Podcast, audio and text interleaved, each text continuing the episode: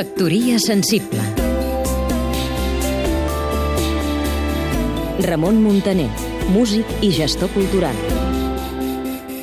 El 30 de desembre de l'any passat moria als 103 anys a la seva casa de Roma la neuròloga Rita Levi Montalcini, Premi Nobel de Medicina l'any 1986. Aquest mes d'abril hagués fet 104 anys.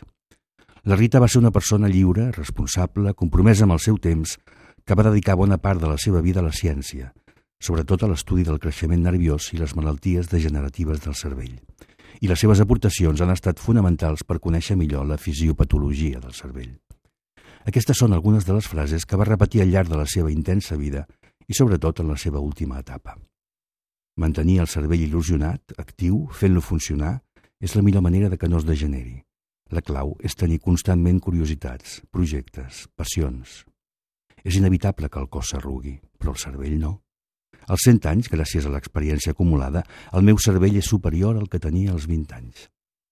Ja sé, perquè m'hi he trobat fa poc en aquestes converses de sobretaula, que m'entens quan gaudeixes del temps lliure que et donen els dies festius, que molts diran que són frases que són anatòpics i que la realitat és ben bé una altra.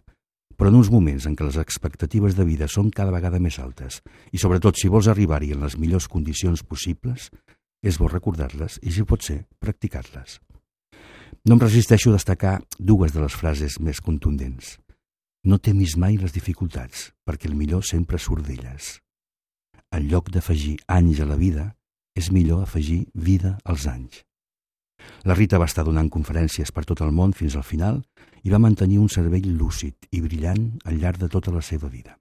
Ara, que està tan de moda el culte al cos, potser que comencéssim a donar, com a mínim, la mateixa importància al culte a la ment.